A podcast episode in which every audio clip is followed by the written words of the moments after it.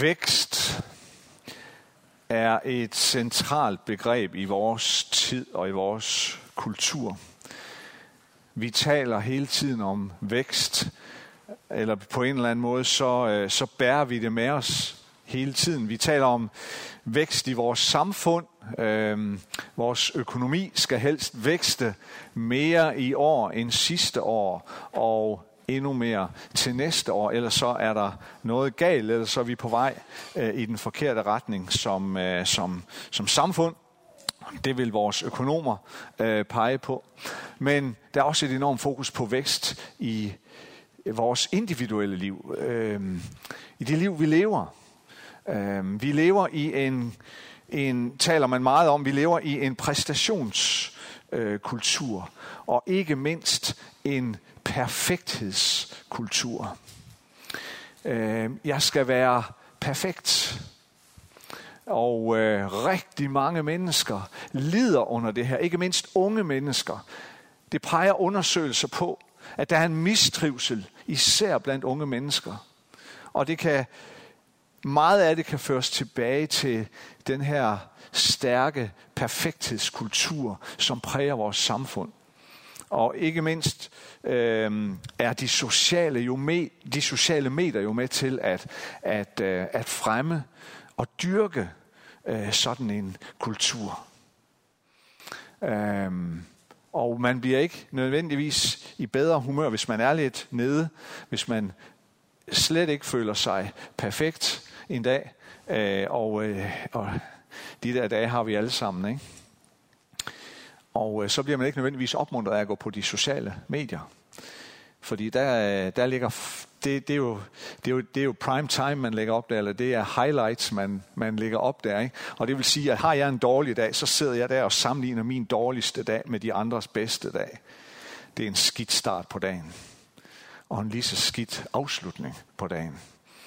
Vi har et udtryk, vi hylder meget i vores tid. Jeg vil være den bedste udgave af mig selv. Og øh, det er et udtryk, jeg har det skidt med. Øh, og du behøver ikke være enig med mig, det kan være, at du har det super godt med det udtryk. Jeg har det dårligt med det, fordi jeg synes, det kalder på en individualisme, og det kalder på, at jeg er overladt til mig selv. Jeg skal være en bedre udgave i dag, end jeg var i går, og i morgen skal jeg være en endnu bedre udgave. Jamen hvad så? Når jeg vågner om morgenen og føler mig en rigtig, rigtig dårlig udgave af mig selv, så starter jeg fra nul. Jeg starter fra scratch. Jeg er overladt til mig selv. Det er et nådesløst budskab. Men heldigvis vil jeg påstå, at evangeliet har et helt, helt andet budskab til os. Prøv at bruge nogle øjeblikke på øhm, at sidde og tænke lidt over, mens jeg snakker videre. Så kan du tænke lidt over, og du skal ikke svare mig eller noget, men du kan prøve finde lidt tilbage til tider i dit liv, hvor du er vokset mest i din tro med Gud. Der hvor du har vækstet, for nu at bruge et af de her øh, bossord øh, i dag, hvor du har vokset mest i din tro med Gud, kan du genkalde dig nogle af de her perioder? Og hvis du kan finde frem til de her store trosmæssige vækstperioder i dit liv, kan du så, kan du så sætte nogle ord på over for dig selv? Hvad var det, der skete? Kan du, kan du, hvad var det, der, der kendetegnede den periode? Hvad var det, der gjorde, at du voksede så meget i troen og i din relation med Gud i den periode? Kan du identificere det?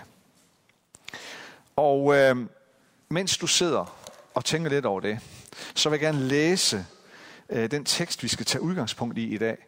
Øh, kan den komme på væggen? Tak, der har vi den. Det er fra Markus evangeliet kapitel 4.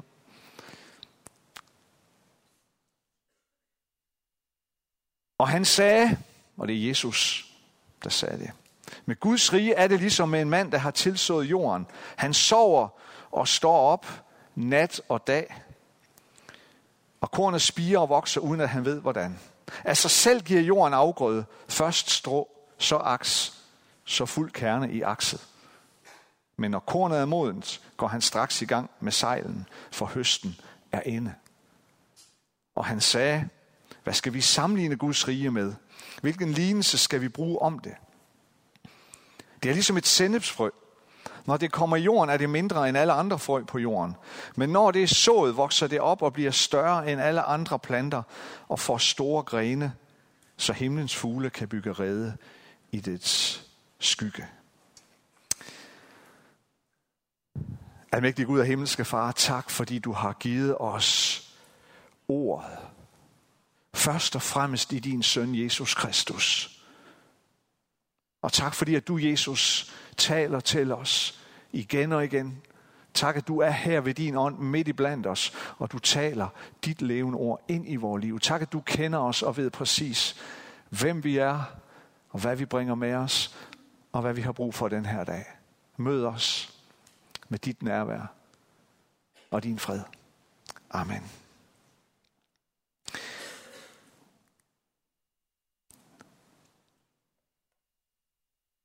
Også i den her tekst, og det har vi set flere gange i de tekster, vi har taget frem her i siden nytår, så bruger Jesus billeder fra naturen, når han skal beskrive, hvordan vores liv med Gud ser ud,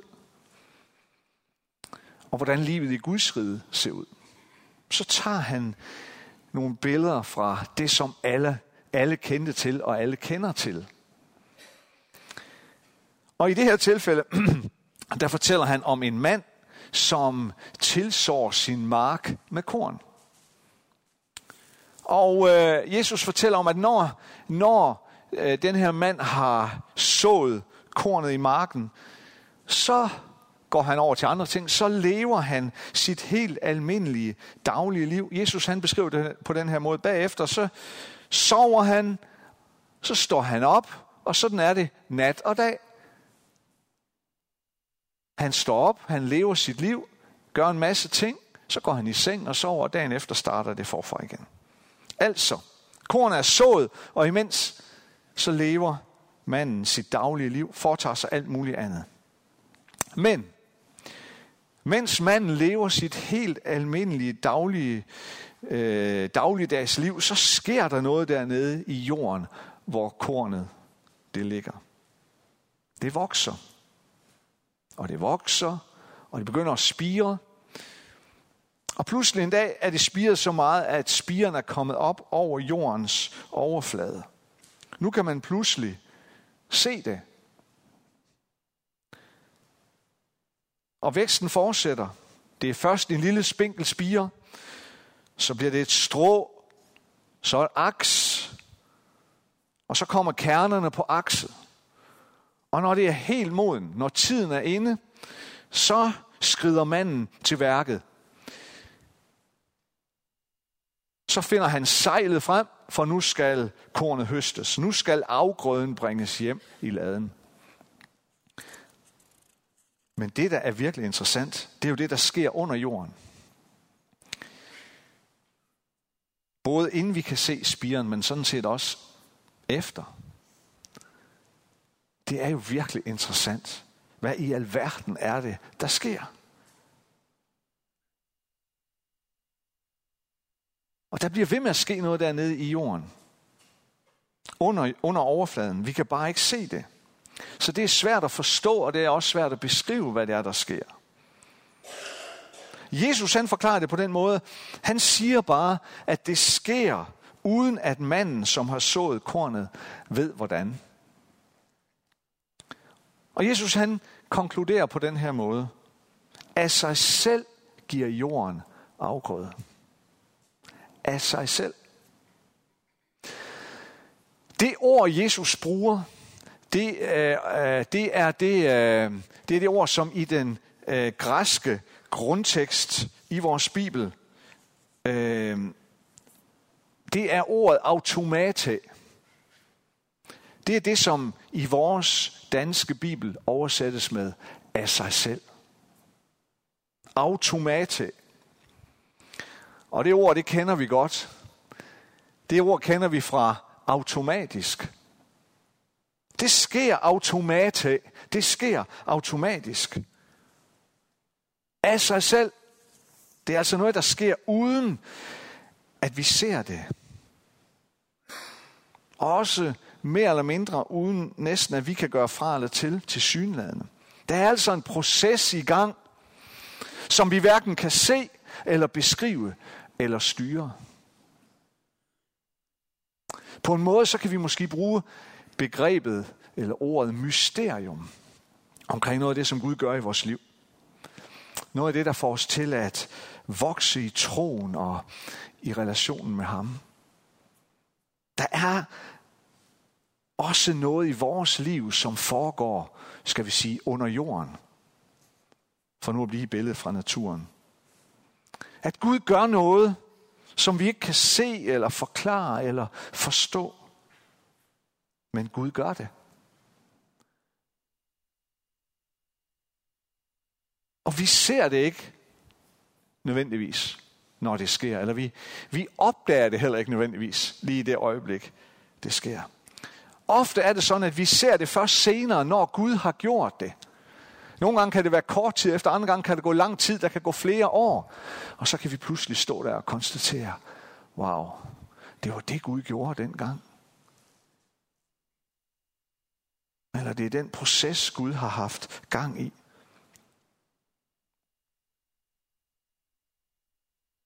Og det er, når planten pludselig er blevet så stor, at den har sat en spire, som er kommet op oven for jorden. Vi kan rent faktisk se det nu med vores egne øjne. Vi kan, vi kan, vi kan betragte den. Vi kan, vi kan føle på den. Vi kan se, når det var det, du gjorde der, Gud, nede under jorden. Nu forstår jeg bedre. Nu kan jeg glædes noget mere. Nu kan jeg, nu kan jeg relatere til det. Det er der, hvor vi kan stå og tænke, wow, hold da op. Der er virkelig sket noget. Gud har virkelig gjort noget. Jeg opdagede det ikke lige, da det skete. Jeg vidste det ikke. Men nu kan jeg se det. Nu kan jeg stå tilbage og kigge på og betragte og glædes over, hvad Gud har gjort i mit liv. Har du, har du nogensinde oplevet det? Kan du, kan du genkalde dig den her følelse, eller den her oplevelse af, stå lang tid bagefter og måske skue tilbage på dit liv, og så tænke, wow, hold da op. Før var jeg der, nu er jeg her. Og Gud har virkelig gjort noget. Jeg så det ikke. Jeg vidste det ikke. Fordi der er rigtig meget i dit liv, som Gud gør automatisk.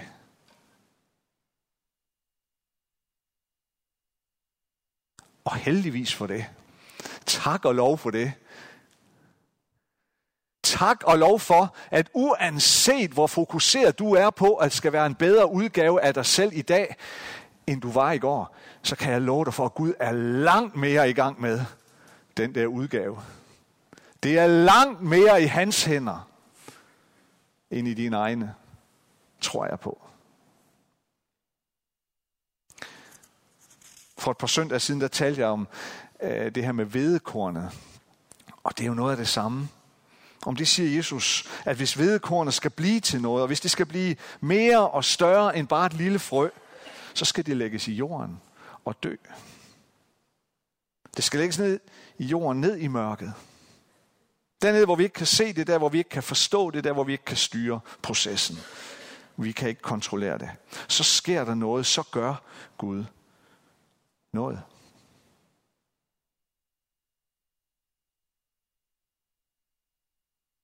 Vækst i troen, at vokse i troen, vokse i vores relation med Gud, det hænger sammen med, at vi overgiver os selv til ham, sådan som vi sang her. At vi dør. Vi taler så meget om, at det at være kristen, det handler om liv. Ja, det gør det også. Men det handler også om at dø. Historien om vedekornet, det er, at, at vi må dø fra noget. At vi må dø fra at ville være herre i vores eget liv. Så han kan blive herre i vores liv. Paulus han taler om noget af det samme, når han siger til menigheden i Korinth. Jeg plantede, Apollos vandet. Men Gud gav vækst. Så hverken den, der planter eller den, der vander, er noget. Men det er Gud, som giver vækst. Det er Gud, der gør noget, så vi kan vokse i vores relation med ham. Ikke sådan at forstå, at vi menneskers handlinger er uden betydning, fordi det er de selvfølgelig ikke. Det er klart. Det er godt, og det er vigtigt, at der både bliver, både bliver plantet og vandet, og nøset og plejet, og så videre. Men det er Gud. Det er Gud, der er herre over det der, der sker. Det, som vi ikke altid kan se, det, som vi ikke kan styre, og det, som er så afgørende for, at spiren vokser og gror.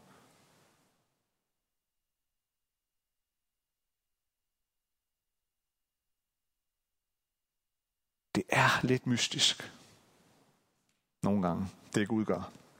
Det, som vi ikke kan se helt klart og tydeligt. Vi kan heller ikke se, hvordan Gud gør. Det må vi overlade til ham. Og så tror jeg også, vi skal lægge mærke til noget andet, som Jesus han siger til os i den her tekst fra Markus i dag.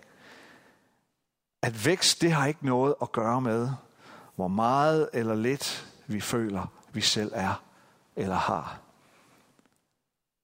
Det har ikke noget at gøre med, hvor meget eller hvor lidt vi føler, vi selv har at byde ind med. Og det bliver klart, når han taler om det her sennepsfrø, som er så lille og hører til de allermindste slags såsæd, når det bliver lagt i jorden. Men når det er vokset op, siger Jesus, så bliver det til en kæmpe stor plante.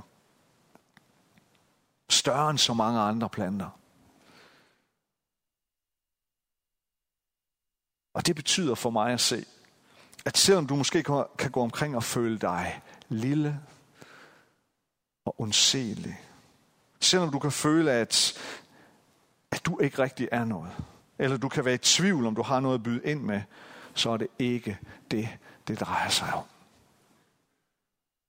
Selvom du kan gå omkring og føle dig som en slave midt i en perfekthedskultur, så har Gud noget endnu større at sige til dig. Noget endnu vigtigere. Og det handler om, at den vækst Gud giver, den er simpelthen ikke af denne verden. Den er langt større, langt stærkere, langt mere på alle områder, end vi ofte kan forestille os. Kunne den lille dreng der kom med sin madpakke til Jesus, bestående af fem brød og to små fisk. Forestille sig, at hans madpakke kunne give mad til mere end 5.000 mennesker. Nej, det havde han nok ikke lige regnet med. Den havde han nok ikke lige set komme. Da der var nogle disciple, der havde fundet ham i mængden, og øh, og tog ham, tog ham i kraven og sagde, vi, nu må vi så gå hen til Jesus øhm, med det her. Jeg tror ikke, han i sin vildeste fantasi havde forestillet sig, hvad det blev til. Det kan godt være, at du føler dig som det mindste frø i verden. Det gør jeg i hvert fald indimellem. Det kan godt være, at du, hvis du har det ligesom mig, vågner og tænker, jeg er en dårligere udgave af mig selv i dag, end jeg var i går. Det sker når, også i min alder, navnlig i min alder, når man står op og kigger sig selv i spejlet. Men det har jo ikke kun noget med det at gøre.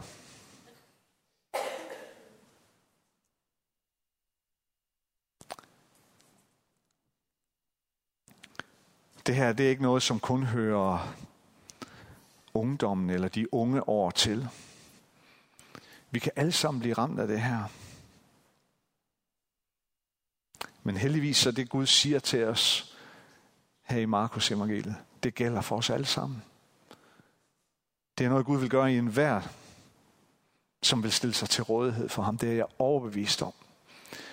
Det er et ord til den, fra den yngste til den ældste.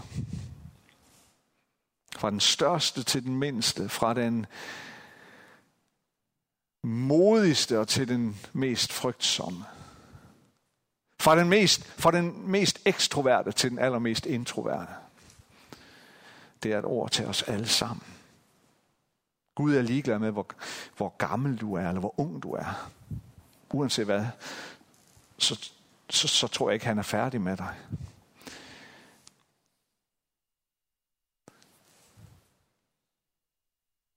Jesus han siger i Lukas evangeliet kapitel 17, og det skal jeg slutte med. Der siger han, prøv at høre her, man kan ikke se Guds rige og så bare sige, se der er det, nej der er det, eller sådan her ser det ud.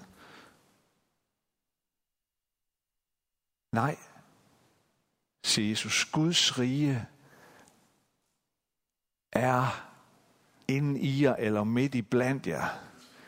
Det kan man sådan strides lidt om, hvad det ord betyder. Men det korte og lange er, at, at Guds rige, det er også noget, Gud gør automatisk. Og det sker midt i blandt jer. Det sker i fællesskabet. Det sker, når vi er sammen. Det sker, når vi, når vi for eksempel lige om lidt skal bryde brødet sammen. Så har Guds rige midt i blandt jer. Det sker, når du taler med din kollega eller studiekammerat eller nabo. Og du får en overnaturlig lyst eller en overnaturlig, øh, et overnaturligt mod til at sige, må jeg fortælle dig, hvad jeg tror på? Jeg vil så gerne høre, hvad du tror på. Øhm, vi kan ikke selv sige, at det skal være sådan her, eller vi kan ikke selv nødvendigvis få det til at gro. Men det er Gud, der gør det. Men han bruger dig og mig. Han bruger dig og mig, og han vil bruge dig og mig hver eneste dag. Han vil bruge dig, når du kommer og siger, Gud, jeg er den værste udgave af mig selv i dag. Så tror jeg, han siger, godt så. Så går vi i gang. Så lad mig bruge dig. Lad os bede sammen. Far, vi takker dig for din storhed vi takker dig for din nåde. Og fordi du er så rig på barmhjertighed og kærlighed til os hver dag. Far, tak fordi vi må komme til dig på de dage, hvor vi synes, at det kører, at vi kan en masse ting, og vi lykkes. Men tak fordi, at vi i lige så høj grad må komme til dig på de dage, hvor vi synes, at vi er den værste udgave af os selv. Tak fordi du aldrig vender ryggen til os. Og vores bøn til dig nu, far, det er, at du vil fortsætte dit værk i os. At du vil fortsætte med at gøre dit værk automatisk. Automatisk af sig selv, fordi det er dig, der gør værket. Hjælp os til at plante og så og vande alt det, vi kan. Men leve vores liv i troen på, at du giver vækst. I Jesu navn. Amen.